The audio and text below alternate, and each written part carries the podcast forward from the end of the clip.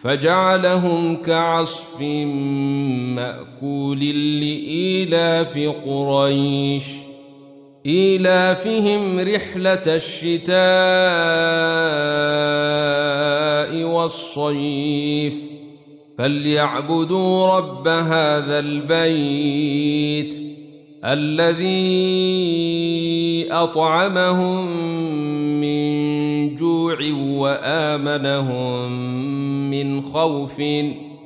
أرأيت الذي يكذب بالدين؟